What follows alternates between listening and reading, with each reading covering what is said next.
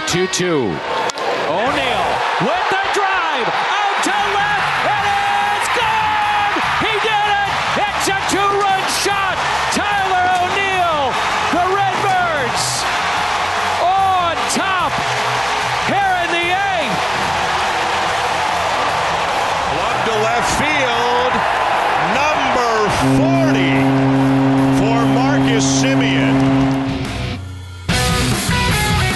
Het is clinching season in MLB.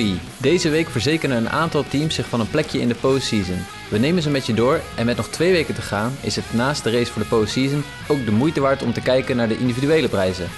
Verder nog wat on- en off-field issues die ik, Mike van Wijk, in de 148ste episode van Just a Bit Outside podcast van Sport Amerika ga bespreken met iemand die al zeker is van een plaatsje in de postseason, Jasper Roos.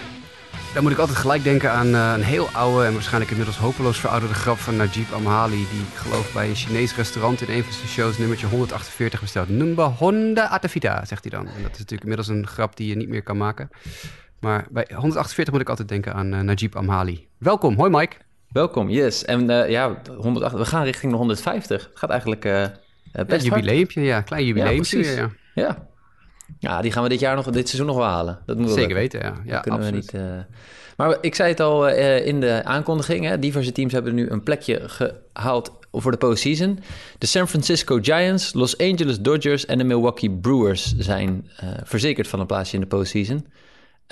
Wat was je indruk van, de, van de clinches die je hebt gezien? Nou ja, het is natuurlijk heel grappig en leuk dat de Giants de eerste club zijn die zich kwalificeren. Komend notabene uit de zwaarste divisie, preseason geacht zwaarste divisie in baseball. Ehm, we hebben het natuurlijk al regelmatig over de Giants gehad de laatste paar weken. Zeker ook de, toen, de, toen de, rector nog stevig in bleek te zitten. Dat je op een gegeven moment denkt van, nou ja, teams gaan toch een beetje moeten faden. Maar dat gebeurde met de Giants niet. Dus die zijn de eerste die clinchen. Dat is dan wel grappig, want de dag daarna meteen de Dodgers ook natuurlijk. Dus dat is, ja, een beetje eh, te verwachten.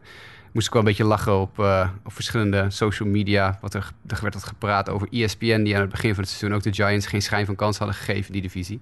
Net zo goed als wij natuurlijk. En dat mensen daar dan nu heel erg over vallen. Nou ben ik altijd de eerste persoon die op ESPN shit als het even kan.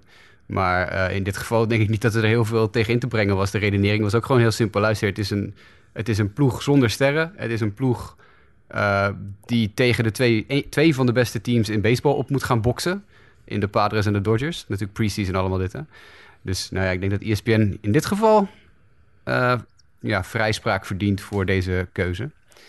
Eh, ja, goed, de Dodgers, dat verwachten we allemaal natuurlijk ook. En sinds gisteren dan de Brewers, dat vind ik dan wel mooi. Dat was ook een heel onverwachte, want ik geloof dat er een Padres en Reds loss tegenover moest staan en een Brewers win. En dat gebeurde toevallig alle drie gisteren.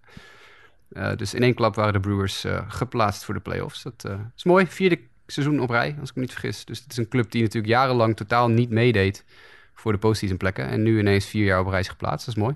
Ja. En ook diep respect voor het werk wat geleverd wordt, eh, zoals je aangeeft, bij eh, San Francisco, eh, dat ze dit hebben weten te bereiken. Zeker, Dus ja. dat is. Ja, alles, ja, alles, Lars, Lars tweet wel eens, Lars Leefting van de Sportmakers, een Giants-fan, die tweet wel eens grappige dingetjes over de Giants.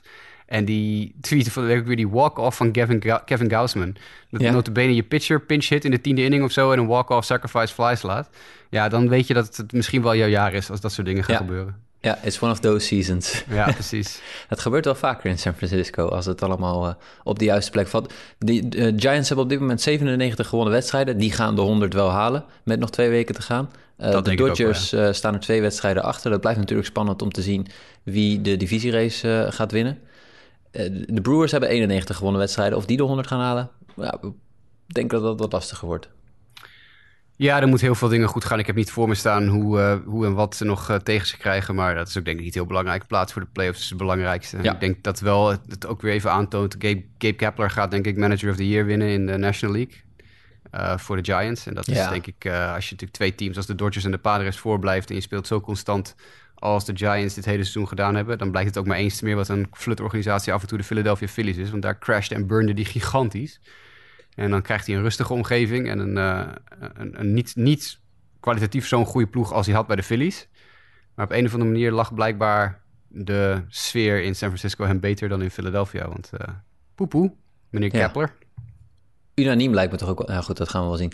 Maar eh, je kan op dit moment kan ik weinig andere managers noemen die eh, ervoor in de aanmerking eh, zouden komen. En het zou wat zijn, hè? De, de, de Dodgers eh, eh, hebben geloof ik de afgelopen tien jaar zo'n beetje de divisie gewonnen. Dat je dan nu in één keer weer als Giants daarboven zou blijven. Dat, eh, dat gun ik zij van harte. Als, eh, als ze dat weten te, te bereiken. Eh, Er zijn nog heel wat races gaande. De volgende op de lijst die waarschijnlijk een plekje gaat halen... zijn de Chicago White Sox. Die hebben een magic number, die staat op 5. Wanneer gaat het gebeuren, eh, Jasper? Eh, we moeten een dag hebben. Dan kunnen we de champagne koud leggen. Eh, wanneer gaat het gebeuren? Tja, Ik zie dit weekend hebben ze een serie met Texas. dat is een rare serie, jongen. Goed, ik ga er niet lang over stilstaan. Maar er gisteren ook weer echt een wedstrijd... daar ze dan maar drie honkslagen slaan in de hele wedstrijd. Terwijl ze de dag ervoor werkelijk... waar iedere pitch die ze zagen... een knijtereind eh ver weg sloegen. Wanneer gaat het gebeuren? Vijf, magic number 5. Dat eh, gaat dus een combinatie met eventuele Indians losses. Het gaat voor vrijdag gebeuren. Eh, want de Indians gaan ook nog wat verliezen deze week.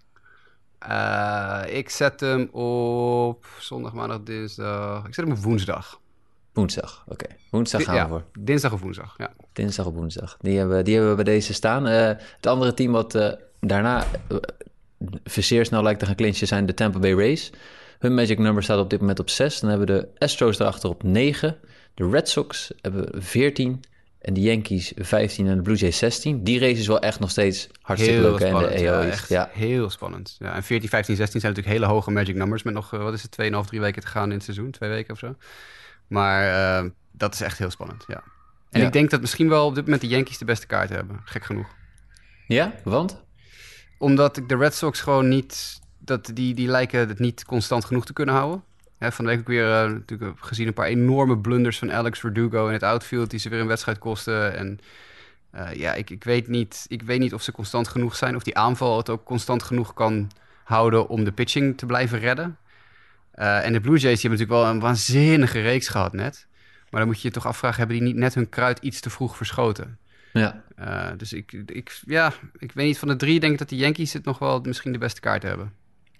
De Red Sox hebben nu vier wedstrijden op rij gewonnen. Maar ik, ik, sowieso heeft ook Alex Cora verdiend, denk ik, uh, uh, een groot compliment voor het geleverde werk. Wij hadden in de preseasons de Red Sox ook niet zo hoog in de, in de stand uh, staan. Hoewel, over twee weken kunnen ze in één keer vierde staan en zeggen we... nou, we hadden soms ja, nummer vier. Maar ja, het is niet waarschijnlijk. Nee, ik vind het wel moeilijk, want ik spreek regelmatig met Red Sox-fans in, uh, in de omgeving hier in Nederland. Jongens die ook met Sport Amerika wel eens wat te maken hebben gehad. En die zeggen allemaal, die balen eigenlijk allemaal van hoe slecht het middenstuk van het seizoen is geweest. Want ze hadden al lang veilig kunnen staan. Ze hadden zo'n gigantische voorsprong. En het feit dat ze dus die verspeeld hebben, is misschien juist weer geen reclame voor Alex Cora. Ja. Dat nee, die het dus juist niet in vol kunnen houden met ze. Ze beginnen nu een klein beetje op te krabbelen, maar het is gewoon heel niet constant. En die enorme dip halverwege het seizoen, die ze gewoon uh, ja, een voorsprong van wat was het, uh, zes wedstrijden, acht wedstrijden gekost heeft. Um, ik weet niet, I don't know. Maar qua, qua, qua, winstpercentage de, de heb ik wel het, het gevoel dat... Nou, ik ben benieuwd in welke mate jij denkt dat er meer in had gezeten... nog voor de Red Sox dan wat dat betreft. Nou ja, dat is een heel goede vraag. Want we hadden ze natuurlijk al helemaal niet zo hoog ingeschat... aan het begin van het seizoen, wat je net al zei. Dus dat is, dat, het had er meer in gezeten. Nou ja, als je vooraf tegen ons had gezegd... dat dit het seizoen voor zou worden van de Red Sox... dat ze op 19 september op dit record zouden staan... dan hadden we waarschijnlijk gezegd van... wauw, dat hebben ze hartstikke goed seizoen gedraaid. Ja. Maar als je kijkt naar hoeveel tegenslagen de rest van de divisie gehad heeft... en hoe ontzettend uh, de, de, Red Sox gedipt hebben dit seizoen... dan is het toch de vraag, ja, had er misschien meer in gezeten? Ja, ja. zeker. Nee, dat klopt. Ik denk trouwens nog... dat uiteindelijk Kevin Cash gewoon manager of the year wordt, hoor... van uh, de American League. Ja, ja, dat denk ik ook wel. Ja, die hebben nu 92 gewonnen wedstrijden. Ook die blijven gewoon uh, steady doorgaan. Uh, met hun, hun potjes uh, winnen. dan hebben we nog de West. Daar, ja, de Astros noemde ik net al, die gaan waarschijnlijk wel een plek halen. Daarachter zijn nog wat teams die een longshot hebben op de wildcard. Namelijk de A's met magic number van 18 en de Mariners met 19. ja, ja, dit zijn magic numbers. En we gaan er zo meteen nog een paar noemen, want die staan letterlijk nog gewoon op het lijstje van... There is, so you're saying there's a chance. Die hebben nog steeds een ja. outside shot. Maar dat, dat, dat, op het moment dat je dus met... Hoeveel wedstrijden hebben we nog te gaan? 12? Of 13, 14? Zoiets, weet ik veel. ja, twee weken, ja. Uh, en als je natuurlijk nog magic number 18 is... dat betekent dat je enorm afhankelijk bent van je tegenstanders. Dus je tegenstanders moeten wedstrijden gaan verliezen... en jij moet blijven winnen.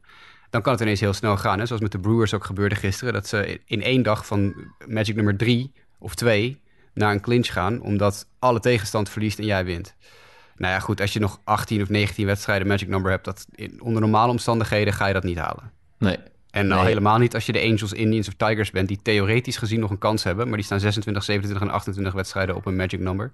Nou, die moeten zo ongeveer ongeslagen gaan... en de tegenstand moet allemaal 500 baseball of minder spelen. Dus in theorie kan het, maar in de praktijk is dat natuurlijk niet heel, heel haalbaar.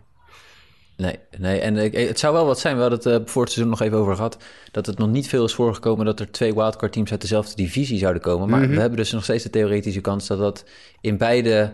eh, hoe heet het? Eh, in, in beide leagues het geval is. Ik bedoel, de, de, de, de AL East lijkt wel met twee wildcards ervan door te gaan.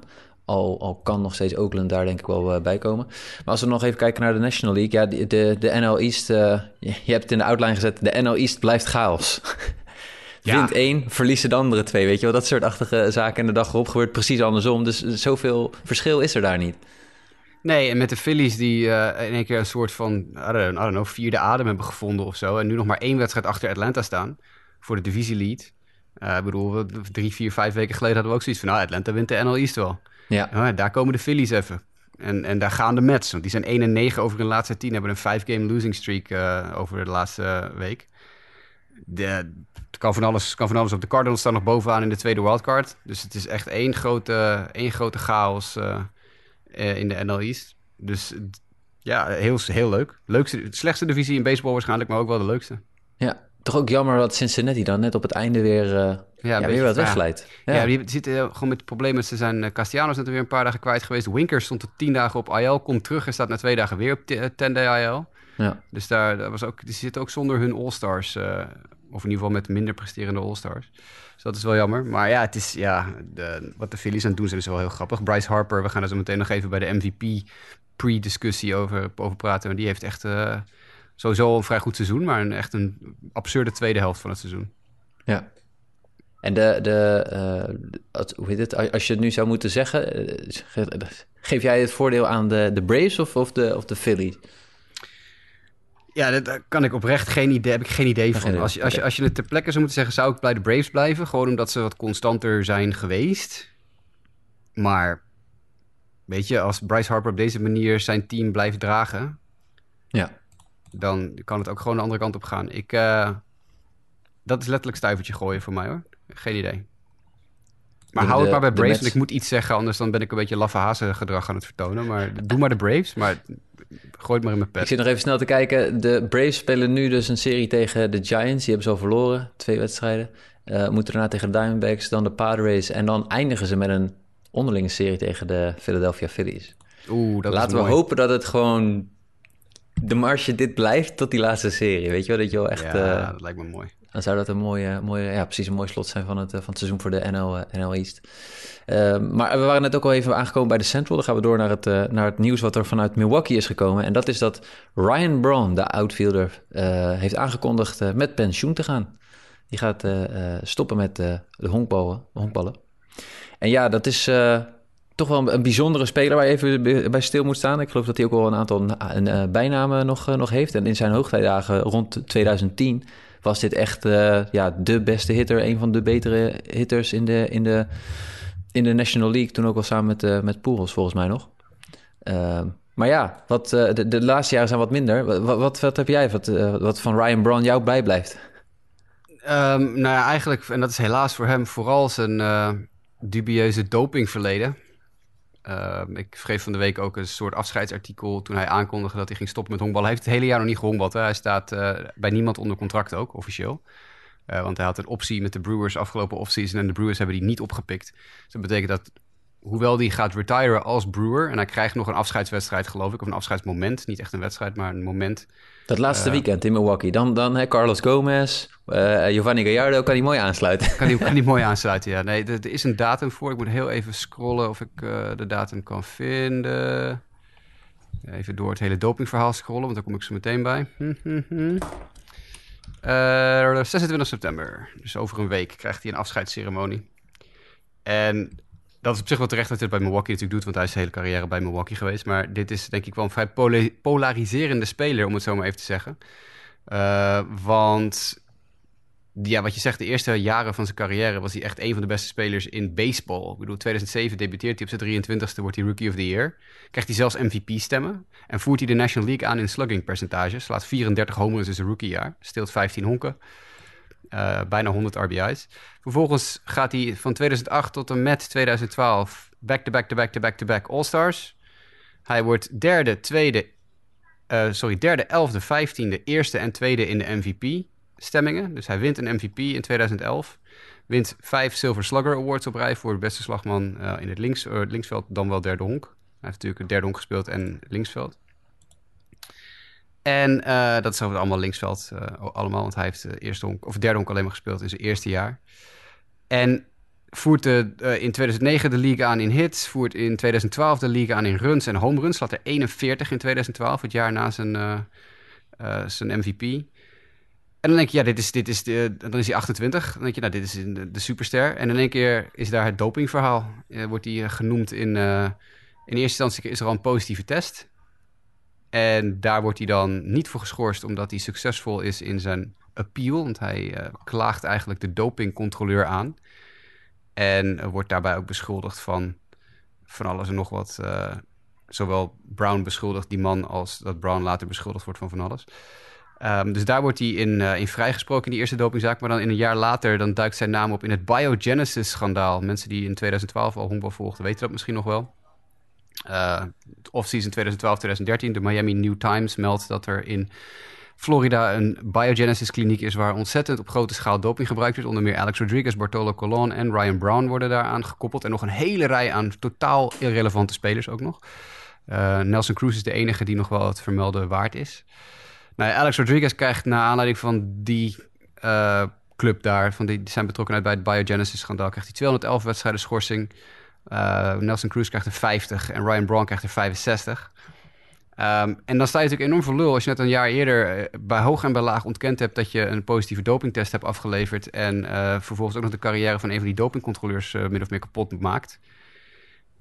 dus dat is wel heel dubieus. Uiteindelijk geeft hij toe, ja, ik heb doping gebruikt en wordt nooit meer de, de speler die hij was. Want hij is echt nooit meer zo goed geworden als hij was. Hij is sinds hij gepakt is met doping, dus we kunnen ervan uitgaan dat hij sindsdien clean is, heeft hij één seizoen gehad met 30 homers en is verder nooit in de buurt gekomen. Terwijl hij in zijn eerste zes seizoenen vijf keer over de 30 en één keer over de 40 heen ging.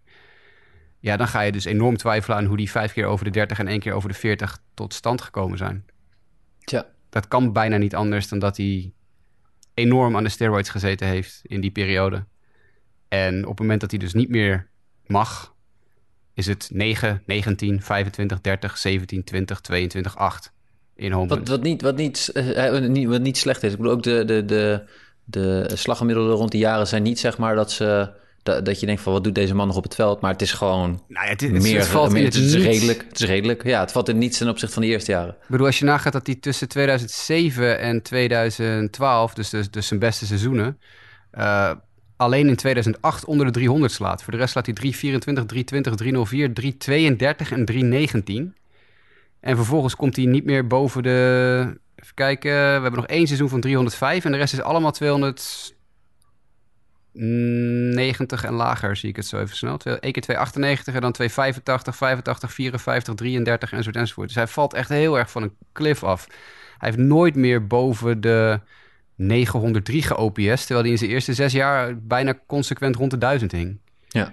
Weet je, dus het is, het, nogmaals geen slechte speler, maar de, het afkapmoment in zijn carrière valt naadloos samen met het moment dat hij geen doping meer ging gebruiken. En dan is het toch wel einde verhaal, denk ik. Ik denk ook niet dat hij uh, heel hoge ogen gaat gooien in de Hall of Fame stemming. Oh, mijn stem zou die sowieso niet krijgen.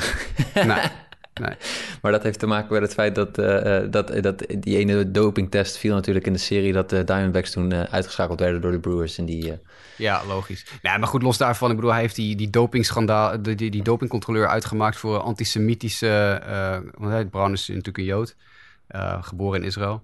En die, hij heeft, heeft die afgeschetst als een antisemiet die alleen maar achter hem aan zat. En uh, het was een Cubs-fan ook nog, die dopingcontroleur. Nou, de Cubs en de Brewers liggen elkaar ook niet. Dus hij heeft die man zijn carrière helemaal kapot gemaakt. Nou is er wel een verhaal dat hij jaren later een keer die man heeft uitgenodigd... en met hem gepraat heeft, excuses aangeboden heeft... en dat alles in orde is weer. Maar ik bedoel, dat is natuurlijk, ja, gewoon heel slecht.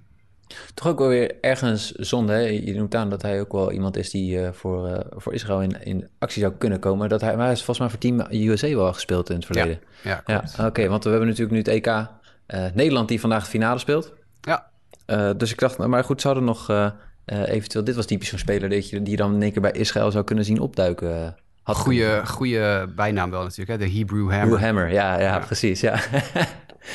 die is me ook altijd wel bijgebleven. Dat, dat is een van, denk ik toch wel een van de, eh, de weinigen die nog echt een, een, een, nickname te pakken had de afgelopen Een echt goede nickname, 15. ja, ja, zeker. Ja, ja. terwijl, eh, eh, maar goed, dit, dit jaar was er geen Players Weekend.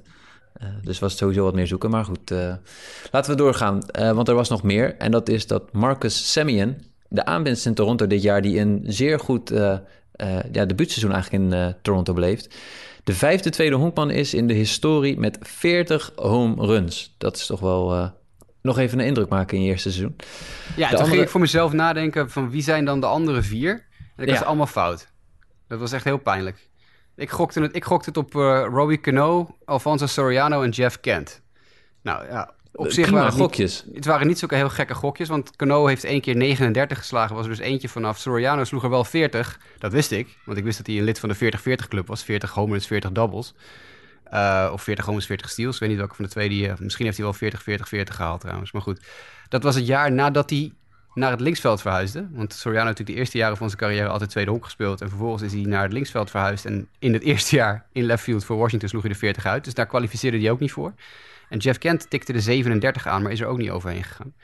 Dus ik had er geen één goed. Dat was wel eventjes een, eh, een momentje. Ik heb het lijstje hier voor me staan. Ik zou er misschien inderdaad... Nou, ik, ik, ik zou op geen enkele gekomen zijn, maar eentje dat ik denk van... Nou ja, misschien inderdaad dat je die nog... eh, ik, we hebben toch die tweede honkman gehad? Ik even kijken, wat was zijn naam nou? Die bij de Mets heeft gespeeld. Oh, niet zo heel lang geleden. En daarna ging hij naar Washington. Toen was Daniel Murphy. Nee, die heeft de 40 nooit gehaald. Die heeft de 40 ook nooit gehaald. Als, Nee, hij, als hij het gehaald heeft, waarschijnlijk niet als tweede honkman. Nee, dat is ook zo. Nou goed, de namen die het wel waren, waren Rogers Hornsby in 1922. Was net Wel een heel beroemde speler natuurlijk. Ja, Ik bedoel, eh, ja. Laten we dat. Eh, Davy Johnson in 1973, Ryan Sandberg in 1990 en Brian Dozier, meer recent in 2016. Ja, dat is toch ja, wel... eh, Sandberg had ik moeten weten. Dat was de enige die ik echt niet wist. Eh, Daniel Murphy is niet in de buurt gekomen van de 40 homens. Nee. Vijf, 25 is. Oh, Oké, nou, dat, hoogste. zet- dat zet ik way off. Dat zet ik way off. Maar eh, een, een, een goede move uiteindelijk ook geweest voor eh, Toronto. Eh, we waren voor Semien, begin. Semien ook, want die gaat echt, echt een, een dik contract krijgen deze offseason. Had hij, een mij- had hij een éénjarige deal of een tweejarige deal? Volgens mij heeft hij éénjarig. Volgens mij is hij weer een free agent na dit jaar. Wij waren enigszins kritisch toen, eh, toen hij ging van... joh, eh, speeltijd, eh, er zijn er zat spelers, zeg maar.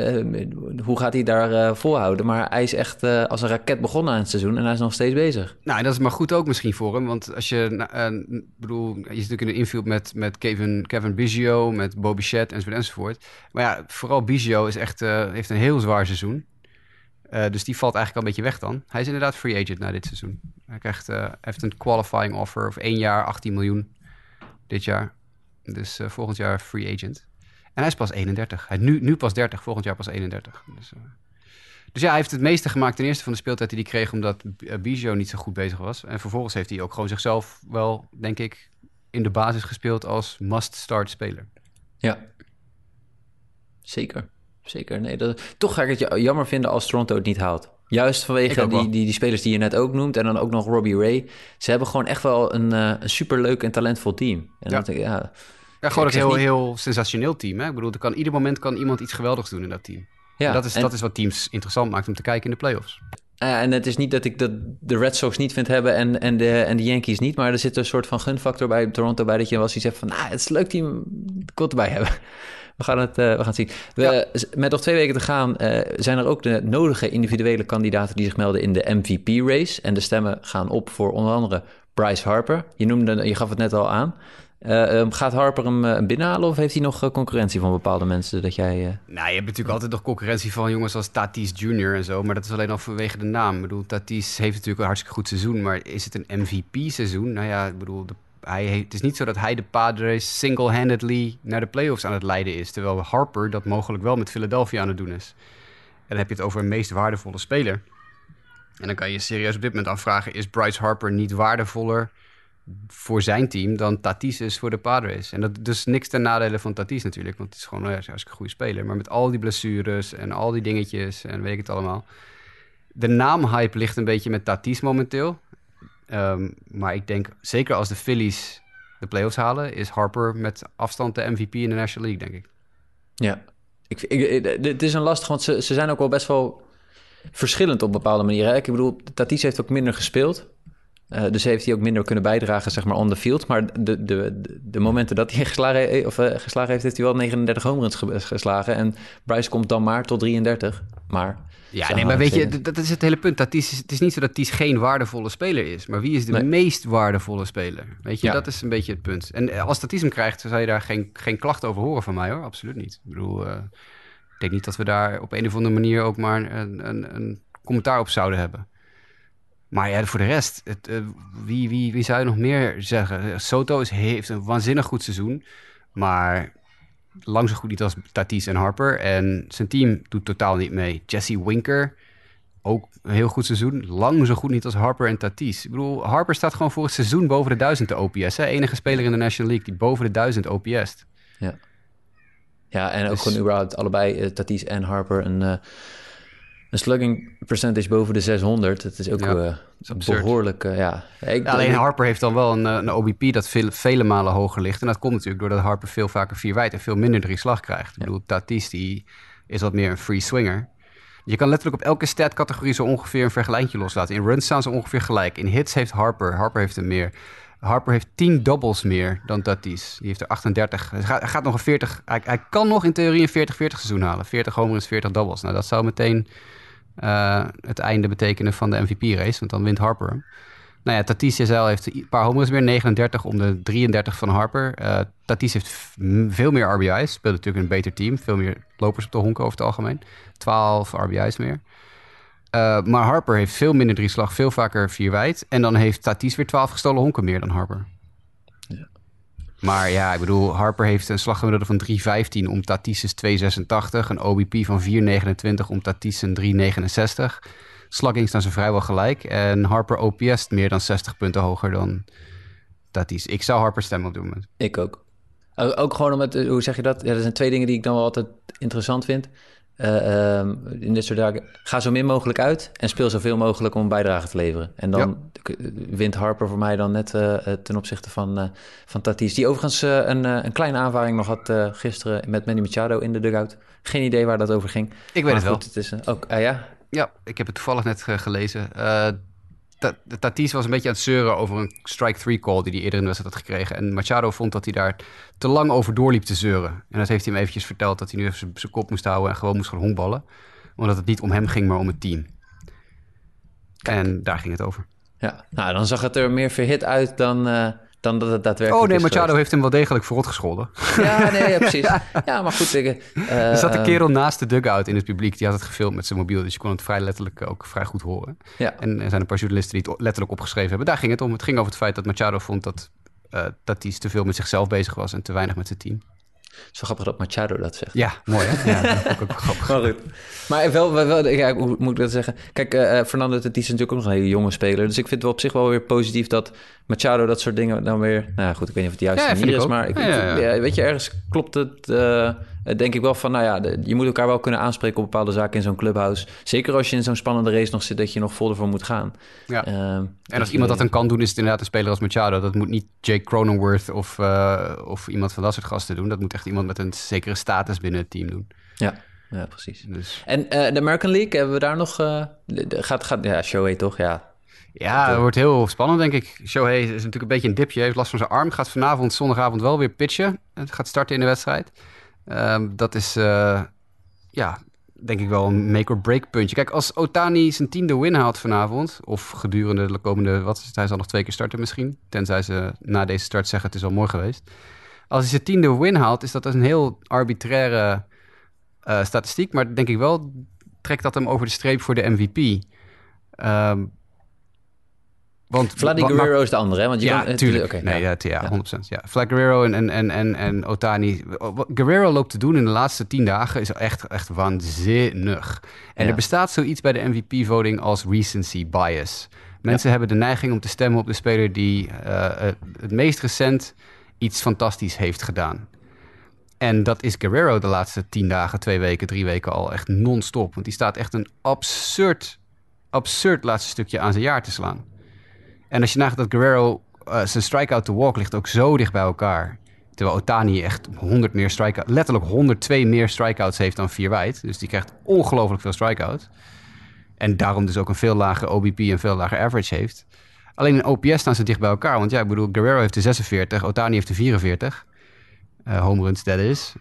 Eh doubles staan ze er twee van elkaar vandaan. Dus in de power stats zijn ze heel vergelijkbaar. Maar Guerrero heeft, denk, heeft een beter offensief seizoen, seizoen dan Otani. Alleen Otani staat ook nog op de heuvel 30 keer per Ja. jaar. En dat maakt hem denk ik de MVP. Ja, ik, ik blijf het lastig vinden hè, om even een fruit... eh, het is voor mij toch een appel en een peer die we aan het vergelijken zijn. Want hoe, hoe, hoe, hoe moet je dan... Hij speelt daardoor ook weer wat min... Ja, Ja, het is echt Minder- absoluut een heel lastige discussie. Maar ik denk het feit dat hij allebei de positie speelt, dat geeft hem zo'n ontzettende startvoorsprong al. En het feit dat hij een van de beste pitchers in de American League is en daarbovenop ook nog eens een van de beste hitters in de American League is en gewoon tweede staat in home runs, Ja. dat, dat maakt volgens mij van hem gewoon de MVP. En dat roep ik al vanaf spring training. Want ik heb in de preview show gezegd dat ik spijt had van het feit dat ik drie weken voor spring training of twee weken voor spring training niet hem had ingevuld van, op voor MVP. Want ik heb hem zien, toen in spring training zien spelen. Ik zei, nou die gast gaat gewoon MVP winnen. Dus natu- ik wil dat ook graag omdat ik dan eh, een keer iets goed heb. Maar los daarvan, eh, de, de straatlengte voorsprong die hij al heeft vanwege het feit dat hij twee posities speelt, of twee dingen doet, niet eens twee posities speelt, maar twee dingen doet, is denk ik al genoeg voor mij. maar dat blijft het lastig om... Hoe tel je die twee dingen al goed op elkaar op? Dat is zo niet conventioneel, zeg maar, in, eh in nee, maar dan kijk je naar hoe ver, hoe ver staat hij achter in bepaalde statistieken bij Guerrero. Dat is niet veel. Nee. En dan is hij intussen ook nog gewoon een... eh, nou, ik zit even te zoeken, te scrollen of ik hem kan vinden. Shohei Otani, de nummer 43 pitcher in de majors op basis van innings pitched. Hij heeft 115 innings gegooid dit jaar. Nou ja, 1.12 whip. eh 2.11 slaggemiddelde tegen, 3.36 op, ERA. En waar zijn zijn strikeouts? Strikeouts, laatste kolom. Diep. 136 stuks in 115 innings. Dus ook nog veel meer dan een strikeout per inning. Ja. Dus ja, weet je, eh een van de betere pitchers in baseball. Dus Ja, nou ja, goed, we gaan eh, kijken hoe het gaat lopen. Misschien dat ze in de komende twee weken nog allebei eh, een schepje erbovenop doen. Laten we het hopen. Het zal wel genieten zijn. Dan gaan we ook even door en dan kijken we nog naar de Rookies of the Year. En dan beginnen we wel even met de National League. Ja, wie, wie, is wie zijn daar eigenlijk de, de grote kanshebbers voor National, Rookie, National League Rookie of the Year? eh, wat jou Trevor? Rogers, volgende vraag. Ja, ja, er zijn gewoon heel weinig... eh, Ja, heel weinig, heel weinig kandidaten in de National League. En Trevor Rogers steekt er met kop en schouders bovenuit. Ik denk dat Jonathan India tweede gaat worden. Eh, want die steekt met kop en schouders boven de rest uit. Dus die is een beetje de best of the rest. En Patrick Wisdom is nog iemand die denk ik ook wel dusdanig veel stemmen gaat krijgen... dat hij eh, misschien wel derde kan worden. Dus mijn top drie zou zijn Trevor Rogers, Jonathan India, Patrick Wisdom. Oké, en als we nou gaan kijken naar de American League, daar is het wel iets spannender. Daar zijn Ja. meer kanshebbers. Ja, meer kanshebbers en vooral vanwege het feit dat ze allemaal iets anders goed doen eigenlijk. Ik bedoel, er zijn maar twee rookies in de American League die 30 homers hebben geslagen. Het zijn Ryan Mountcastle van de Baltimore Orioles en Adolis Garcia van de Texas Rangers. En het is grappig dat de twee slechtste teams in baseball de twee leading Rookie of the Year candidates hebben. Eh, ik denk op dit moment dat Mountcastle waarschijnlijk eh, een streepje voor heeft, omdat de rest van zijn stats net iets beter zijn dan Garcia. En Garcia gewoon heel erg weggezakt is in de tweede helft van het seizoen. Want hij had zo'n absurde eerste helft van het seizoen. We hebben het heel vaak over hem gehad toen. Eh, maar die is echt ver weggezakt. Randy Arozarena van de Tampa Bay Rays doet ook nog wel een klein beetje mee. Maar die heeft zoveel minder home runs dan die andere twee... dat het ook op een gegeven moment een kwestie wordt van... wat is de power output? Uh, en dan heb je een hele berg pitchers die stemmen zouden kunnen krijgen. Maar ik weet of het genoeg is om de aanvallende jongens voor te blijven. Je hebt een Luis Garcia van de Houston Astros. Je hebt een Casey Mize van de Detroit Tigers. Je hebt een James Caprillion van de Oakland A's. Je hebt een Garrett Whitlock van de Boston Red Sox. Je hebt een Michael Kopech van de Chicago White Sox. Allemaal jongens die op een of andere manier Rookie of the Year stemmen zouden moeten hebben. Uh, vanwege het feit dat ze gewoon ontzettend goed hebben gedaan. Maar ik weet niet of het genoeg is om Mountcastle en Garcia voor te blijven. Nee, nee dat. Uh, er valt wat te kiezen, dat is in ieder geval het leuk. Ik vind het nog wel grappig. Ik, even, ik zie Akil Badu ook nog in een top 10 uh, soort van staan. Ja, ja maar het is, het is, allemaal niet genoeg. Nee, zeker, zeker niet. Maar het, hij was natuurlijk ook heel goed begonnen. En hij heeft, hij heeft een redelijk seizoen gedraaid. Uh, Meerdere Detroit Tigers hebben trouwens echt ja. wel serieus. Eric Haas van de uh, Tigers, de hoog. catcher, staat ook hoog. Heeft ook uh, 20 homers geslagen of zo. Ik, weet niet, ik heb de stats niet voor me staan. Hij heeft ook een flink aantal homers eruit gelegd al dit jaar. Ja. Um, Dus dat zijn, daar zit wel wat, wat, wat muziek in nu ook. Uh, Tarek Skubal van de Tigers natuurlijk ook een goed seizoen gehad in strikeouts vooral, maar niet in, in dingen als hits allowed en ERA en zo. Dus die zal waarschijnlijk in het buiten vallen. Caprilin mist dan ook weer de strikeouts. Garrett Whitlock en Kopech zijn natuurlijk relievers, maar Whitlock, Whitlock's statline, die verbaasde me ook toen ik het op zat te zoeken. Die is echt steengoed dit jaar. En Kopech, ja, die heeft één slechte outing gehad. Als je zijn zes, iets van zes earned runs tegen of vijf earned runs tegen tegen uh, de Blue Jays een paar weken geleden. Als je die eruit haalt, dan wordt Kopech derde in de Rookie of the Year verkiezing. Maar hij heeft, als reliever gaat dat natuurlijk heel snel. Als je als reliever één heel slechte outing hebt, dan ben je de klos. Nou, Kopech heeft ongenadig op zijn sodomieten gehad van de Blue Jays toen. Uh, en daardoor zijn ze, is zijn ERA 3,34 of zo nu. Ja, precies. Uh, en dat is natuurlijk goed, maar dat is niet adembenemend goed. Zijn strikeout wel. Ik bedoel, hij heeft, uh, ik geloof, 2,5 keer zoveel strikeouts als innings gegooid. Ja, maar je hebt gezien vorig jaar met Williams bijvoorbeeld. Uh, je Precies. moet echt, echt je moet, ja, of this world goed zijn, wil ja, je, wil je Als reliever, ja. Nou, dat Zeker. geldt voor Whitlock natuurlijk ook. Whitlock heeft echt een, een stompzinnig goed seizoen, maar het is wel een reliever. Ja. Uh, dan gaan we door. Uh, we hebben was ook nog nieuws over de All-Star Game. En dat is dat die in 2023 gespeeld gaat worden in Seattle. Uh, nou, dat is een, een, een, mooie locatie, een mooi stadion. In ieder geval de laatste wedstrijd, de All-Star Game in uh, Seattle, dat was ook nog niet zo heel lang geleden, namelijk 20 jaar geleden, 2001. En daarvoor is hij ook al gespeeld in 1979 in Seattle. ja, leuk. Tenminste, ik, ik, ja, ik weet niet in welke mate mensen heel erg veel waarde hechten aan de All-Star Game in een bepaalde locatie. Maar ik vind nou, Seattle is altijd wel een positief stadion en een le leuke stad om in te spelen. Ja, maar ik vind het wel een beetje gek dat we 19 jaar na de vorige keer, of 20 jaar na de vorige keer dat hij in Seattle was, dat we er weer zijn. Er zijn 30 teams in Major League Baseball. Er zijn dus niet alle 30 geweest in de tussentijd. Nee. En dat lijkt me toch ook wel iets wat uh, op een gegeven moment een soort van fair share moet zijn. Dus ik snap er zijn niet zo goed clubs, dat we... Er zijn clubs, denk ik, sneller gewisseld van stadion dan dat ze een All-Star Game hebben kunnen hosten. Ja, nee, precies. Dat is eigenlijk, eigenlijk heel gek. En ik heb niks tegen Seattle. Het is een heel aardig stadion als het vol zit. En natuurlijk hartstikke mooie stad. Dus daar een echt een, stad waar een honkbalgeschiedenis ligt. Dus dat is ook, we hebben dat betreft geen enkel probleem. Het, we hebben gezien dat de Colorado dit jaar ook allemaal was wel aardig. Maar dat is natuurlijk minder, heeft minder honkbalgeschiedenis dan Seattle. Maar ik, ja, er zijn zat teams die hem sinds 2001 niet gehad hebben. Dus waarom, waarom maken we niet eerst gewoon even de 30 vol en beginnen we dan weer opnieuw? Ja, ik, ik, moet zeggen, er zijn steden waar ik altijd denk van, nou ja... Ja, goed, wie wil er nou een All-Star Game in Tampa Bay hebben? Dat snap ik ook wel. Maar Bijvoorbeeld, dat, Of ja. Oakland. ja. Maar fair is fair. Misschien is dat juist dan ook wel weer een reden voor een team om een stadion een beetje op te pimpen. Van we krijgen de All-Star Game, we willen goed voor de dag komen. Ik weet dat dat in Phoenix toen gebeurd is. Toen hebben ze nog best Precies. wel dingetjes uh, van upgrades voorzien en dergelijke. Om dat, uh, om dat een beetje extra aan te kleden. Dus wat dat betreft, uh, nou ja, de, maar goed, er zijn nog zat steden, stadions nu bijgekomen waar nog een All-Star Game gespeeld moet worden. Volgens mij het nieuwe Brave Stadion. Ja. Lijkt me ook wel eentje die kort daarna zou kunnen volgen. Als, ja, want die hadden er natuurlijk eigenlijk moeten hebben, maar dat is toen fout gegaan, hè, vorig jaar. Ja, ja, ja, ja dat goed punt. Dit jaar was dat. Dit toch? jaar, ja. ja. Oh, ja. Ze, zouden, ze zouden hem hebben krijgen, maar helaas. Als ze die wetten, nieuwe wetten niet hadden aangepast, dan, Precies, nou goed, dan hadden ze hem ja. gehad. Maar 2001, in de app hebben we het ook heel even kort bij stilgestaan. Dat was ook wel een, een aardige line-up die er toen in de All-Star Game was. Wat ik nog uh, kan herinneren daarvan. Ja, de, de hoogtepunt van de steroid-era natuurlijk. Hè? Dat, uh, ik bedoel, uh, ja. Ja, tuurlijk. Ja, er zitten superveel uh, supersterren in. Maar het was ook echt wel het absolute hoogtepunt. Met een knipoogje. Een wedstrijd iedereen, met een knipoogje. Ja, iedereen... Even kijken, ik zit even te tellen. 1, 2, 3, 4, 5... Uh, vijf mensen in de starting line-up van de American League zijn later betrapt op doping. Of die hebben dopingbeschuldigingen. En... Oh. Eén... Eentje maar aan de National League kant. Oh wait, ik zeg het verkeerd. Nee, sorry, wacht even. Dat is de bank van de American League. National League. Eén, uh, twee, uh, nee, twee, drie. Drie bij de National League. In de American League starten Roger Clemens, Ivan Rodriguez, Alex Rodriguez, Manny Ramirez en Juan Gonzalez. Allemaal later beschuldigd van dopinggebruik.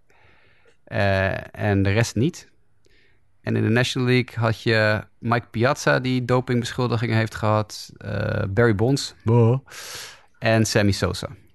Kijk, ja. En voor de rest even naar de bank te kijken. Daar zie ik er zo snel bij de National League niet eentje tussen staan. Hoewel Pujols natuurlijk op de bank zat als reserve. En uh, nee, verder aan de National League kan niemand met doping verleden. En dan bij de American League. Du, du, du, Dit is trouwens wel, als ik deze line-up zo een beetje bekijk... Pettit. Dit was, dit was voor mij een beetje alsof ik mijn... als- Ik, ik kijk er nu naar alsof ik weer een, eh, een eh, spelletje op de Playstation aan het spelen ben. Ja, echt wel hè? Ja. ja. Pettit, Jason Giambi. eh, en dat is het qua reserves bij de American League die beschuldigd zijn van doping. Maar ja, waanzinnige, waanzinnige line-up inderdaad. En er staat een ene Joe Mays tussen van de Minnesota Twins. Nooit van gehoord. Bij de. American League. Eric. Milton wel? Ja, die, heb ik, die had ik in MVP eh, Baseball 2005 in mijn starting rotation toen ik de Marlins franchise had overgenomen.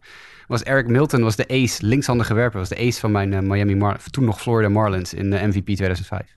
Kijk. Ja, ja, ja, ja, ja, ja, ja. Sasaki en Quantrill en dergelijke, dat zijn ook wat voor mij wat, eh, wat minder bekend. En eh, we zien al dat Mike Stanton, nou, Ja, later Giancarlo ja. was, die was er ook bij. Ja, nee, andere, andere Mike Stanton. Andere Mike Stanton, precies. Dus. Derek Jeter op de bank nog toen, moet je nagaan. Ja, ja. Ja, de, de, Cal Ripken Jr. speelde toen nog korte stop, zie ik. Yep. Mhm. Dus eh 4-1 won de American League die wedstrijd toen. Ehm, dan hebben we ook nog wat spelers die opgeroepen zijn, of juist eh gedieveed zijn. En we beginnen even bij de Tampa Bay Rays. Die hebben Shane Bays opgeroepen.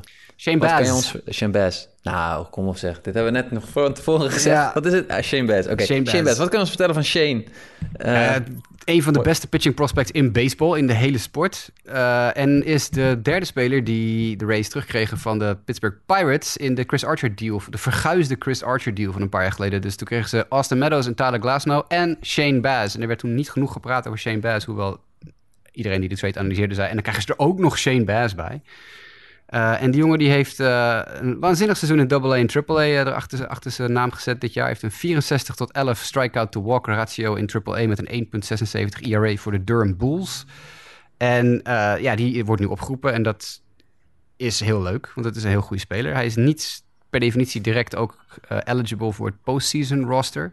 Maar er zijn er achterdeurtrucjes uh, dat ze hem eventueel kunnen toevoegen aan het postseason roster als iemand geblesseerd raakt. En dan moeten ze een petitie aanleveren bij uh, de commissioner. En dan kan die alsnog op het postseason roster gezet worden. En de Rays zijn natuurlijk een, een, een, is een team dat in het verleden regelmatig jonge werpers laat in het seizoen voor de leeuwen heeft gegooid en in de postseason heeft gebruikt. Vorig jaar Shane McClanahan was het meest recente voorbeeld. David Price is natuurlijk een heel bekend voorbeeld van iemand die laat in het seizoen opgeroepen werd en toen in de postseason heel belangrijk werd. En dat, ik denk dat ze dat trucje met Shane Baz nu ook gaan toepassen en uh, ja, uh, must-see televisie weer. Net als zijn voorgangers Luis Patino, Brent Honeywell en Shane McClanahan. Waar, waar ik over, of volgens mij over alle drie heb ik gezegd dit seizoen must-see tv. Ja. En dat is Shane Baz ook. Ik ben wel benieuwd hoe, want het, het zal erom spannen hoe die zich de komende twee weken dan laat zien uh, op het hoogste niveau. Want Patino bijvoorbeeld is best wel er zijn momenten dat het echt goed gaat, maar er zijn ook momenten dat het wat minder goed gaat. Dus... Ja, maar dat hou je met rookies natuurlijk altijd. Ik bedoel, jongens moeten een beetje niet helemaal zo goed zijn als uh, McClanahan dit seizoen nee. geweest is. Maar ik bedoel, puntje bij paaltje, kijk naar die rotation voor de postseason. Ik bedoel, uh, ik denk dat Patino, McClanahan... Ah, McClanahan is denk ik de enige die een zekerheidje in de rotation is. Uh, want die is natuurlijk al even wat meer ervaring. Maar uh, de rest van die rotation, daar is nog ruimte zat voor een Shane Bass als hij het een beetje goed doet. Ja. Ik bedoel, ja. anders krijg je alle Ryan Yarbroughs van de wereld weer, weet je wel. Ik, ik, denk dat niemand blij is op Tampa Bay te moeten treffen in de, in de postseason als ze moeten. Nou ja, we zeiden het vorige week al. Ik bedoel, ieder team in de minor leagues ongeveer staat bovenaan bij de race. Dus uh, ze hoeven zich geen zorgen te maken over het oproepen van eventuele spelers die nodig zijn voor de postseason push. Yes. Een speler die geen onderdeel gaat zijn van de Giants postseason push of postseason play, denk ik, hè, als ik het goed zeg, is Chadwick Tromp, onze landgenoot. Die is gedFA'd om ruimte te maken voor Alex Wood. Uh, die weer terug van de IL denk ik dan. Ja, ja nee, COVID, een... COVID, COVID was het. COVID, ja. COVID. Nou ja, goed. Uh, Tromp is, uh, ja, ik wil hem gewoon even noemen, want Chadwick is van Aruba. Precies. En die hoort er dan natuurlijk een beetje bij.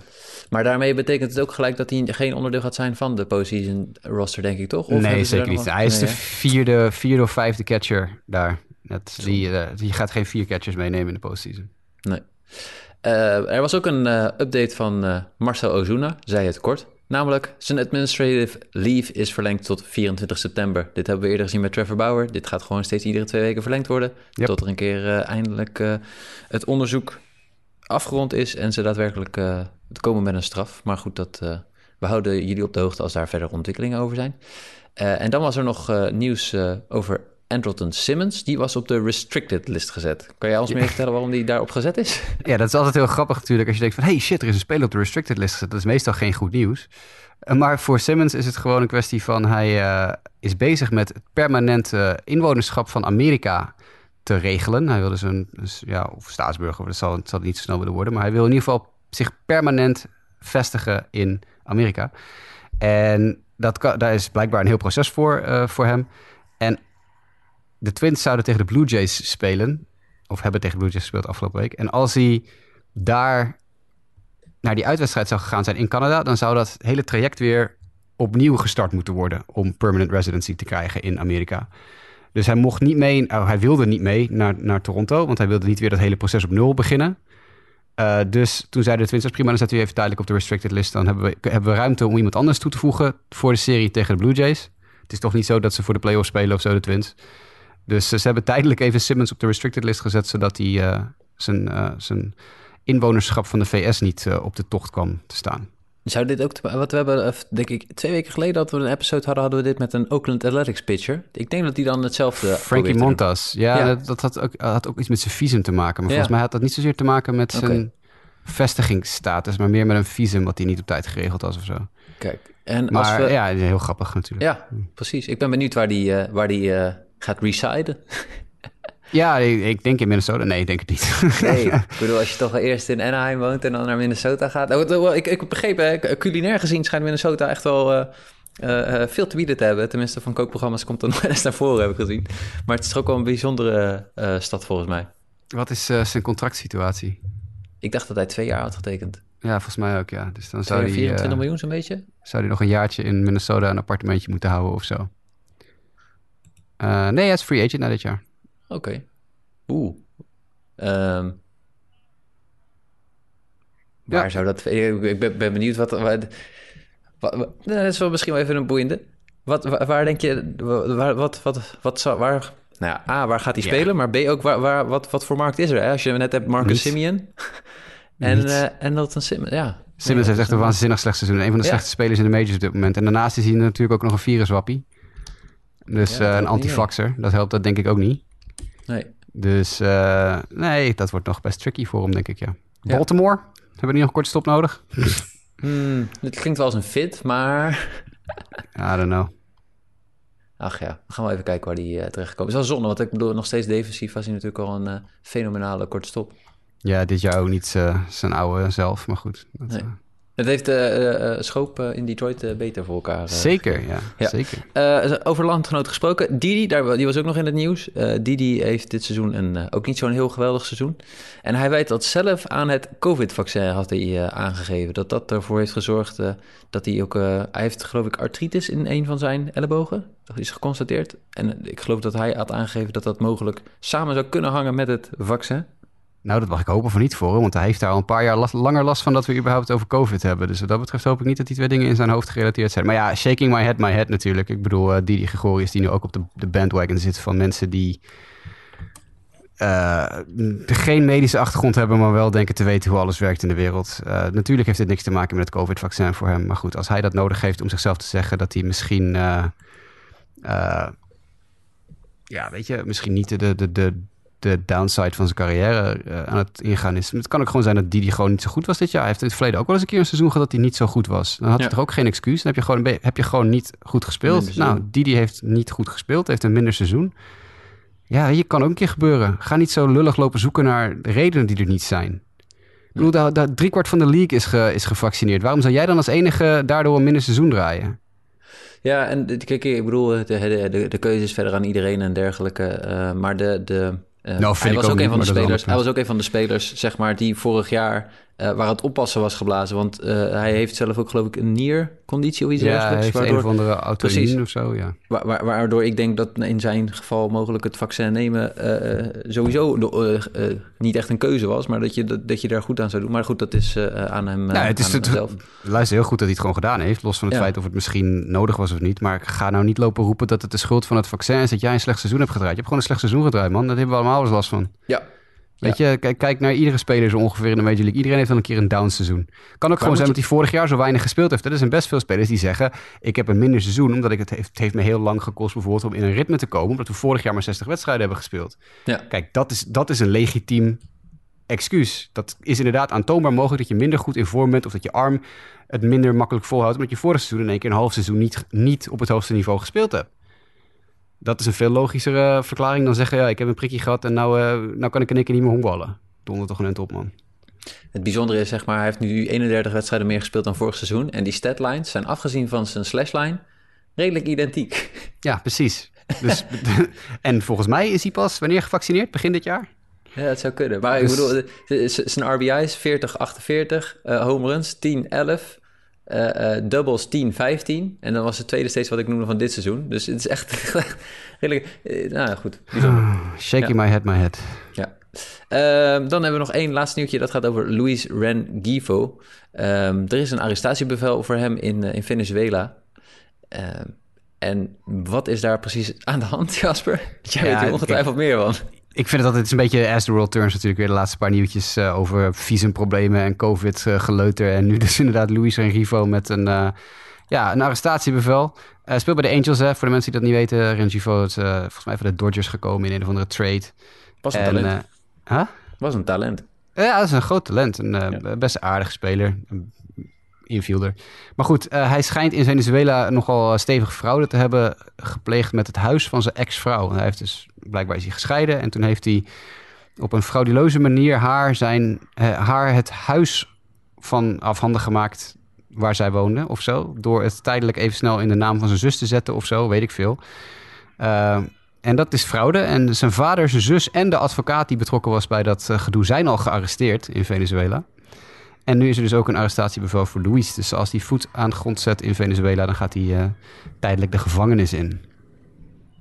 Zo. Nou, tot zover de randzaak.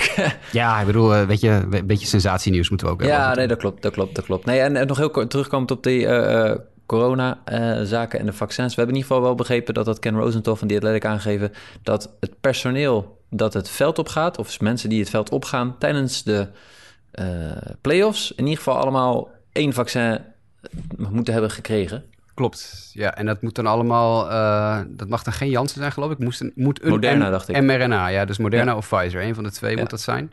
Ja. Eh, ze moeten in ieder geval één shot gehad hebben. En ik geloof dat zelfs de tweede al gepland moet staan. Dat ze ook moeten aantonen wanneer hun afspraak is voor de tweede. Dan pas mogen ze op het veld. MLB neemt geen risico, en dat denk ik ook terecht... dat de playoffs verstoord worden door een COVID- COVID-uitbraak bij een team. Ja, Dat dan door mensen van buitenaf zou kunnen komen... die dus niet gevaccineerd zijn of zo. Mensen die niet bij de spelerskern horen, zeg maar. Eh, bijna alle teams inmiddels 85% gevaccineerd. Van de week gingen de Phillies er geloof ik overheen, over de 85%, eindelijk. Red Sox it nog steeds niet. Ja, ja, Red Sox nog steeds ook niet. Dus eh, er zijn nog steeds een paar teams die er niet overheen zijn. Maar eh, het merendeel is inmiddels gevaccineerd. En nu dus inderdaad ook als je het veld op wilt tijdens de playoffs... dan zal je in ieder geval er eentje hebben moeten hebben... en ook dus een afspraak moeten aantonen. Dus, Maar he- eh, eh, het, geldt, het geldt niet voor spelers. Dus mocht inderdaad die, eh, die nog niet... Nou goed, helaas ja, weet je, de, de kans bestaat gewoon dat er, een, dat er iets gebeurt. Nou zijn de Dodgers natuurlijk zijn helemaal gevaccineerd volgens de laatste berichten. En ik denk bijna alle playoff teams zijn 85% of meer gevaccineerd. Dus dat zou hopelijk betekenen dat het misschien de kans wat kleiner is. Ja, en vooralsnog is het seizoen ook gewoon redelijk... Hè, daar hebben we het nog niet Ja. eens eigenlijk over gehad. Maar eh, laten we wel wezen, we hebben wel links en rechts wat uitbraken gehad... dat er spelers ontbraken en, en dergelijke. Maar we zijn het redelijk probleemloos doorgekomen. Er zijn geen wedstrijden... Nou, er zijn drie wedstrijden zo'n beetje uit mijn hoofd, zeg ik... waarvan ik weet dat die wedstrijd is gecanceld. Ja, er zijn Eh, geen, paniek, of verschoven? geen, geen paniekuitbraken geweest... Nee. waarbij iedereen zo de helft van de spelers eh, thuis zat of zo. We hebben de Yankees een paar uitbraakjes gehad. Eh, en eh, verder natuurlijk hier en daar wel wat. Van, oh, er staat er eentje op COVID-list. Maar er zijn nooit echt inderdaad grote uitbraken... waarbij 10, 12, 15 spelers... zoals vorig jaar een paar keer het geval was, eh, Precies. betrokken waren. Ja, dus laten we hopen dat dat ook zo blijft. Je zou bijna de- zeggen dat in vaccins werken. Ja, hè? ja. Goh, surprise. Ehm, maar goed, laten we hopen dat we er in de postseason eh volop van, eh, van kunnen gaan genieten. Nog, nog twee weken te gaan. Eh, Zijn er nog specifiek dingen waar jij dan nog die laatste twee weken extra naar kijkt met wat extra aandacht? Los van natuurlijk dinsdag woensdagavond. Ja, nee, dat is voor mij denk ik het belangrijkste. De White Sox zijn een heel slechte doen al de laatste paar weken. Het is, het is gewoon echt het is gewoon niet goed. En regelmatig weer spelers een paar dagen rust noodgedwongen. Tim Anderson die weer naar IL moest even een tijdje, omdat hij wat last van zijn hamstrings had. Zonder Tim Anderson stortte de White Sox aanval stort helemaal in. En dat hebben we deze afgelopen anderhalf, twee weken weer gezien. Dat zodra hij er is, speelt het team gewoon veel beter dan zonder Tim Anderson. Tim Anderson is de MVP misschien wel van dit team. En ja, het is gewoon de laatste paar weken niet goed. Dus waar ik nu vooral naar kijk, je speelt natuurlijk ook voor home field advantage op een gegeven moment. Hè. Je wilt natuurlijk kijken of je zo hoog mogelijk kan eindigen, zodat je de playoffs thuis voordeel hebt. En dat gaan de White Sox al niet meer redden, want daar hebben ze te veel voor verloren de laatste tijd. Maar het is nu ook een kwestie van niet met een te grote dip of met een te grote vormcrisis in je team zo meteen de playoffs ingaan. Want als ze zo spelen zoals ze nu spelen, als je tegen de Texas Rangers op een zaterdagavond maar drie hits slaat, ja, dan heb je in de playoffs ook niks te zoeken natuurlijk. Nee. Dus dat, uh, dat is waar ik vooral naar ga kijken de komende paar weken. En ik focus dan even op mijn eigen team. Van jongens, uh, is iedereen fit? Is uh, de line-up een keer op volle sterkte? De, de, team heeft pas zes keer dit jaar in de sterkste line-up gespeeld, hè? Zes wedstrijden in de allersterkste, optimale line-up. Ja, met, maar met alle basisspelers. Er zijn meer teams, neem de Yankees bijvoorbeeld, dat dat, dat misschien ook wel geldt. Dat is zeker, ja, daar geldt het zeker ook voor. Maar dat is natuurlijk ook niet, dat, dat is niet ideaal. Ook voor de Yankees niet. Nee. Dus het zou prettig zijn als, als een team een keer met, uh, met een vaste basis uh, 9 kan aantreden. En dat intussen de, werping, de werp, werperstaf ook uh, ja, zijn boel een beetje op de rails houdt. Natuurlijk veel, veel jongens gezien die rust hebben gekregen de laatste paar weken. Lance Lynn, Carlos Rodon, Lucas Giolito. Allemaal korte IL-stints om uh, ja, de, de, de innings een beetje te limiteren op die armen. Ehm, we zullen zien. Het moet beter dan het de laatste twee, drie weken geweest is. Yes. Nou, in ieder geval, uh, als je de, de, de, postseason ticket hebt geclinched, dan is dat altijd in ieder geval een lekker gevoel. En dan is het toeleven naar, naar de playoffs. Uh, persoonlijk, ik zelf zit in een heftige strijd met de Baltimore Orioles, de Diamondbacks en de Orioles, voor het slechtste team dit seizoen en de number one draft pick voor volgend seizoen. ik geloof dat de Orioles op dit moment voorstaan met 47 overwinningen. Wij hebben ook 100 wedstrijden verloren. We zijn al 101. Dus ja, dat, dat wordt lastig. spannend, spannend, spannend. Alle ballen ja. op zoveel mogelijk verliezen. Ja, die beide teams zijn ook echt veruit de slechtste in beide leagues. maar goed. Ja, nee, het is, het... ja, dat hebben we van tevoren een beetje aanzien komen, toch? ja, ja, in ieder geval bij Baltimore ook wel. Maar, Rangers, Baltimore, inderdaad. Diamondbacks, Rockies. Ook allemaal niet om over naar huis te schrijven. Pittsburgh. Pittsburgh, oesh, Pittsburgh. Ja, ja, ja. ook een redelijk uh, anoniem seizoen. Ja. in Pittsburgh. Maar goed, wij gaan uh, volgende week weer uh, terugkomen. Dit was in ieder geval de, de podcast voor deze keer. Heb je nou vragen, dan kun je ons uh, een mailtje sturen naar justabitpodcast.gmail.com. Je kan een berichtje sturen via Twitter. Dat kan naar jwkev voor Justin, mdijk90 voor mij, jasperoos voor Jasperoos en grasmansd voor Sanne Grasman of naar sportamerika. Dat kan natuurlijk ook. Dat werkt allemaal. Jasper, ik vond het weer gezellig. Dank. Ja, ik ook. Ja, bedankt man. We zijn weer bij en uh, ja, we houden de champagne nog even koud. En hopelijk uh, kan hij in de loop van de week uh, open. Het zou wel prettig zijn. Yes. See you next time. You.